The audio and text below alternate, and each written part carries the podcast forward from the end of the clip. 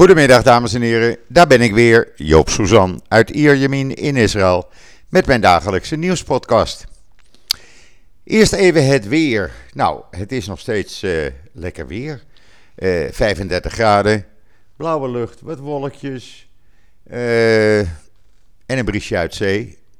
Ik moet wel zeggen, het is wel erg vochtig. S morgens vroeg, om of 6, 7.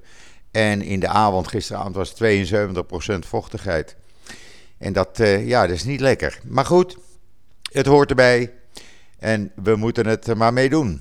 Ja, en dan het coronavirus, daar moeten we het ook mee doen. Het uh, gaat nog steeds niet goed. Gisteren waren er 7832 nieuwe besmettingen. Uh, voornamelijk ja, Delta-variant. Er worden natuurlijk heel veel mensen getest hier. Gisteren ook weer uh, bijna 149.000. 5,6% was positief, dat is iets minder als op maandag. Uh, er zijn nu uh, 59.278 actieve viruspatiënten in het land. 116 zitten er in een quarantainehotel. En 961 zijn er in de ziekenhuizen opgenomen. Van hen verkeren 578 uh, eh, in ernstige toestand. Dat is iets meer dan 1% van het totaal aantal besmette personen in Israël. Dus dat duidt erop, zoals ik al eerder zei, dat vaccinatie helpt. De meeste mensen die kritiek in kritieke toestand uh, liggen in het ziekenhuis, dat zijn er 143, zijn trouwens niet gevaccineerd.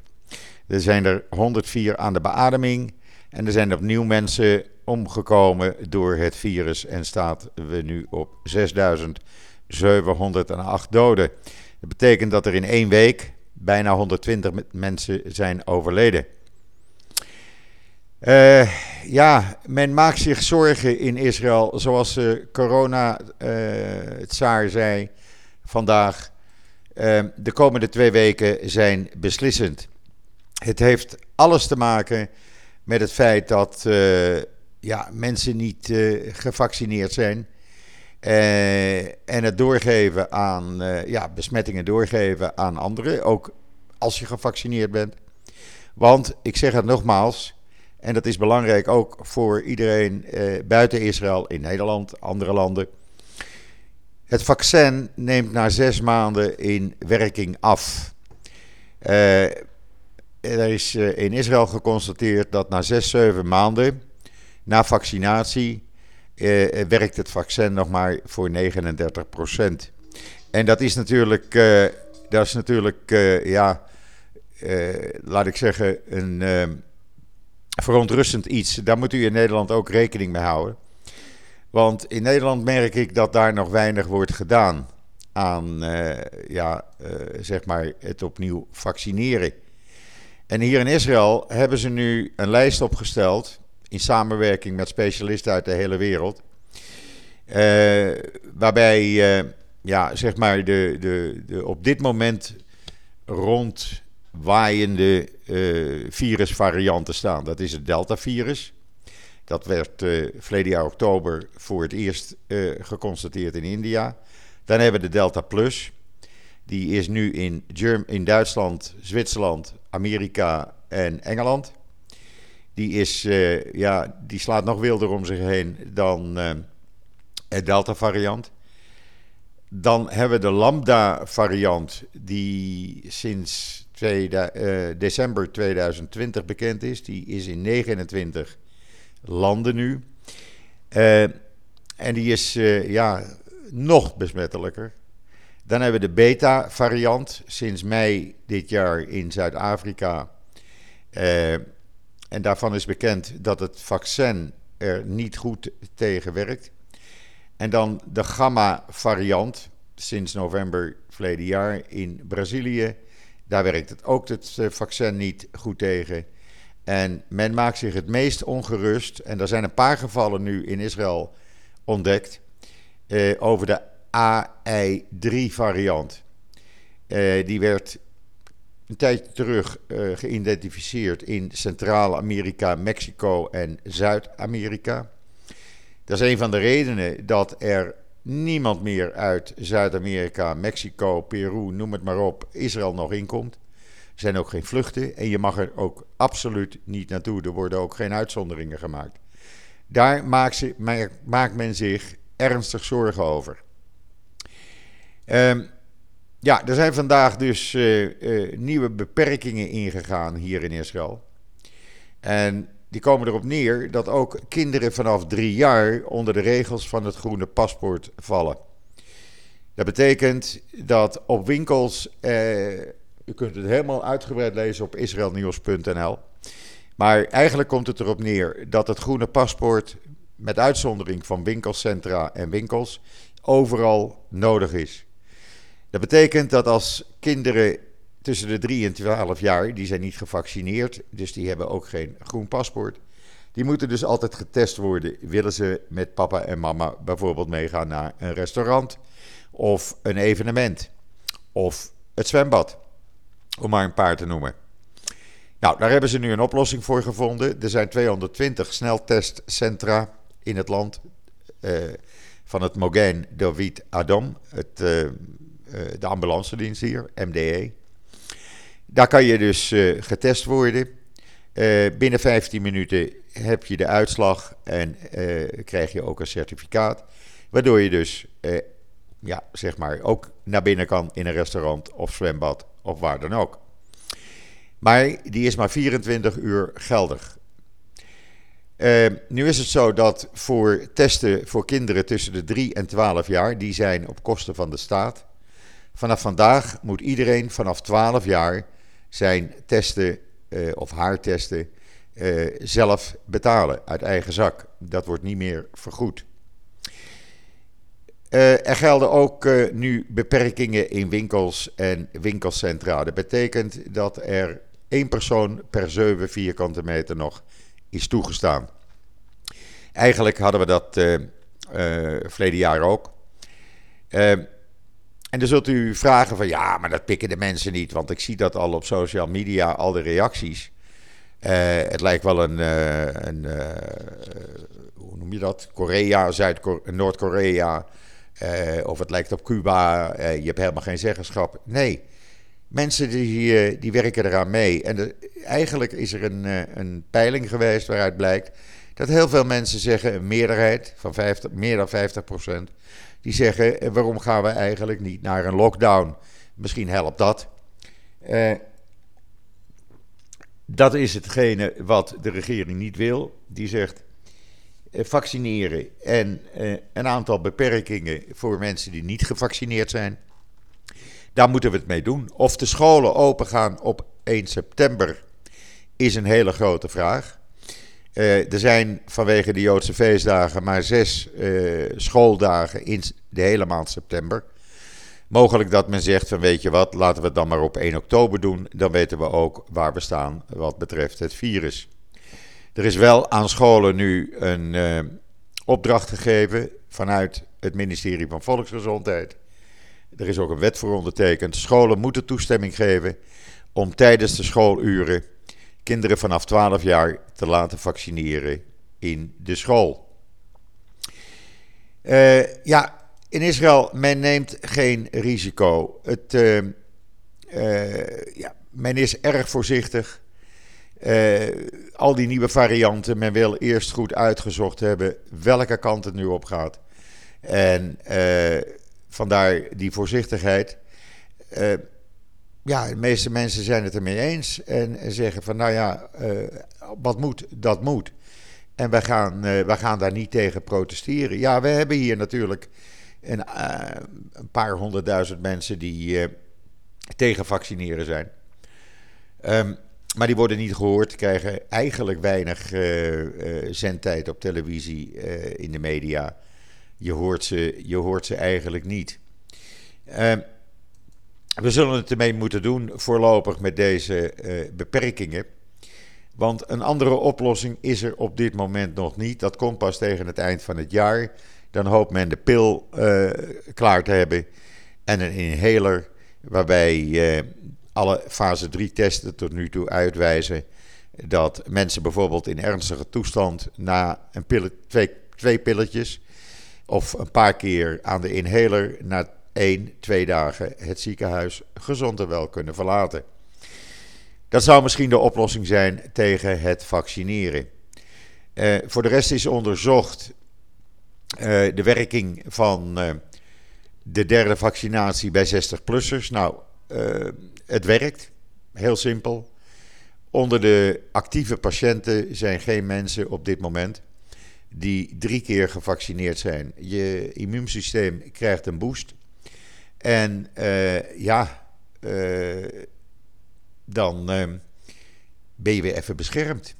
Maar dat betekent niet voor een hele lange tijd. Want ook die boost, die ja, over een aantal maanden moet je weer een nieuwe bescherming hebben. En tegen die tijd hopelijk dus het pilletje of inhaler hier in Israël. Maar hou er rekening mee, ik ben geen doemdenker, maar alle virusgolven uh, die we gehad hebben vanaf het begin, uh, daaruit bleek dat Israël vier tot zes weken voorloopt op Nederland en andere landen. Uh, hou daar rekening mee, want wat wij nu doormaken, het zou geen verrassing zijn als dat ook in Nederland gebeurt. Ehm, maar dan zal het vele malen erger worden, denk ik. Ehm, dan iets leuks. Want we kunnen het wel constant over corona hebben, maar er gebeuren natuurlijk ook andere dingen, leuke dingen hier in dit gekke land. Uh, het IDC in Herzliya en het Dera Sat Instituut uit Bahrein gaan samenwerken. Uh, in een persbericht, u kunt het lezen op israelnieuws.nl, uh, hebben ze gezegd dat ja, ze gaan een nauwe samenwerking aan. Om veel dingen samen te doen, uitwisselingen. Uh, vergeet niet, er heeft zich al een maand of zo geleden iemand uit de Emiraten ingeschreven bij het IDC om een studie te gaan volgen. En dat is natuurlijk ja, geweldig nieuws. ook een Marokkaanse en Israëlische universiteit hebben een samenwerking aangekondigd. Het wordt al allemaal heel normaal. En dan, uh, ja, het Israëlische uh, Olympische team, dat was natuurlijk ja, vrij succesvol. En wat heeft men gedaan afgelopen maandag? Ook dat kunt u zien met foto's op israelnieuws.nl. Afgelopen maandag werden ze uitgenodigd in het huis van de president, president Herzog. Daar was ook de vorige president, Reuven Rivlin.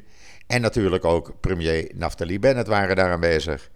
En dat werd een heel gezellig feest. Uh, ja, alles, alle sporters waren er. Uh, de begeleiders, ze waren er allemaal. Uh, het is niet zo alleen de medaillewinnaars. Nee, iedereen was er. Ze werden toegesproken door de president, door Naftali Bennett. Er werd nog even stilgestaan bij het feit dat voor het eerst op de Olympische Spelen één minuut stilte werd gehouden voor de in München in 1972 vermoorde elf Israëlische sporters. daar werd hulde gebracht aan Ankie Spitzer en Ilana Romanov die 49 jaar hier aan gewerkt hadden. En in een toespraak zei de voorzitter van het Olympisch Comité, die memoreerde dit en uh, gaf hun alle eer toe uh, voor wat ze gedaan hadden om 49 jaar te blijven knokken. En hij zei in zijn speech: Onze opwinding toen het gebeurde was enorm. Ik vond het jammer dat Anki en Ilana, de twee vrouwen die dit daadwerkelijk mogelijk hebben gemaakt, niet bij mij in de buurt zaten, zodat we samen konden huilen. Uh, ja, en voor de rest was het een, eh, een hele bijzondere uh, maandag eigenlijk voor alle Olympiërs. Uh, dan hebben we nog. oh ja, nou, dat moet, voordat ik het vergeet.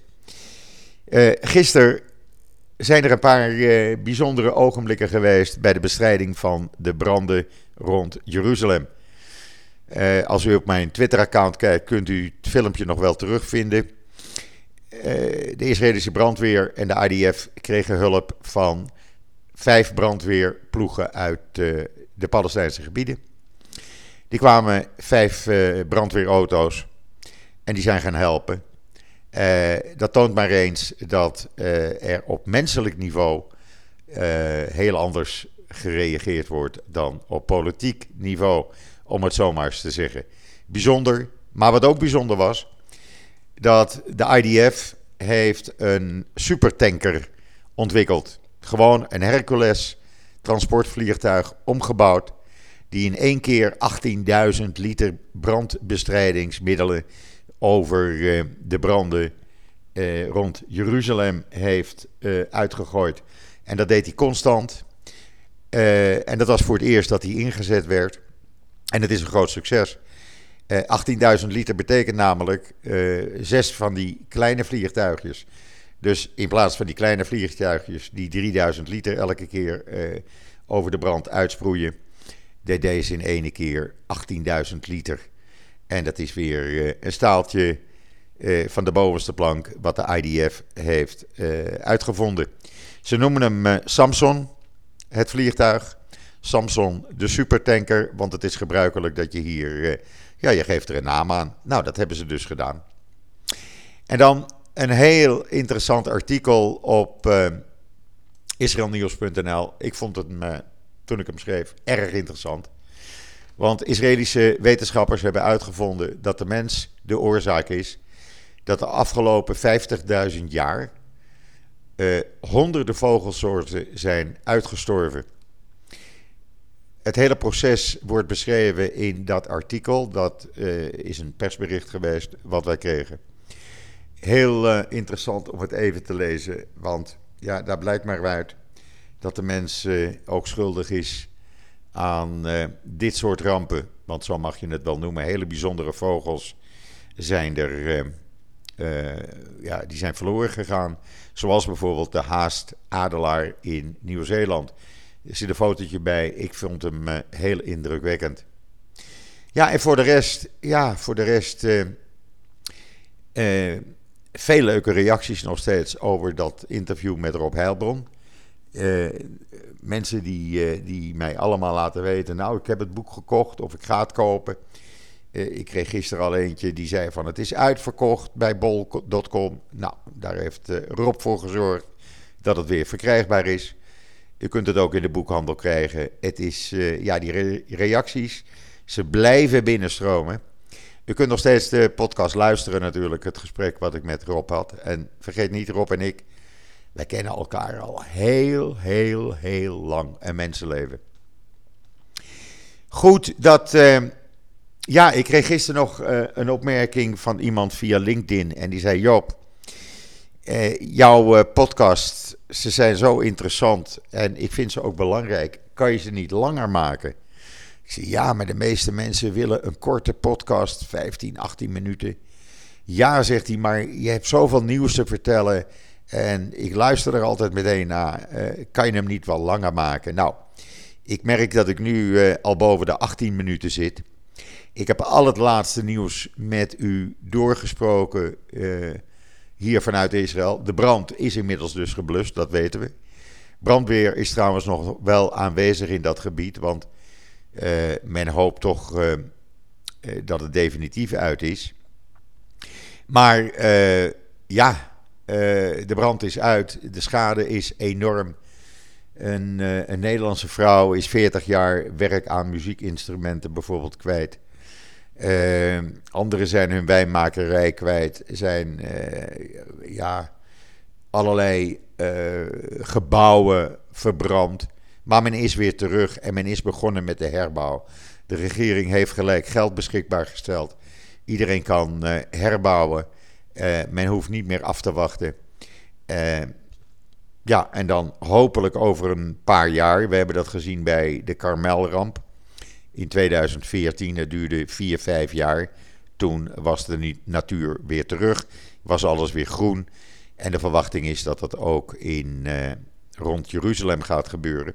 Het is nu één zwarte, naar aan te zien uh, woestenij. Het is, ja, het is, niet, uh, het is niet mooi. Het is verschrikkelijk.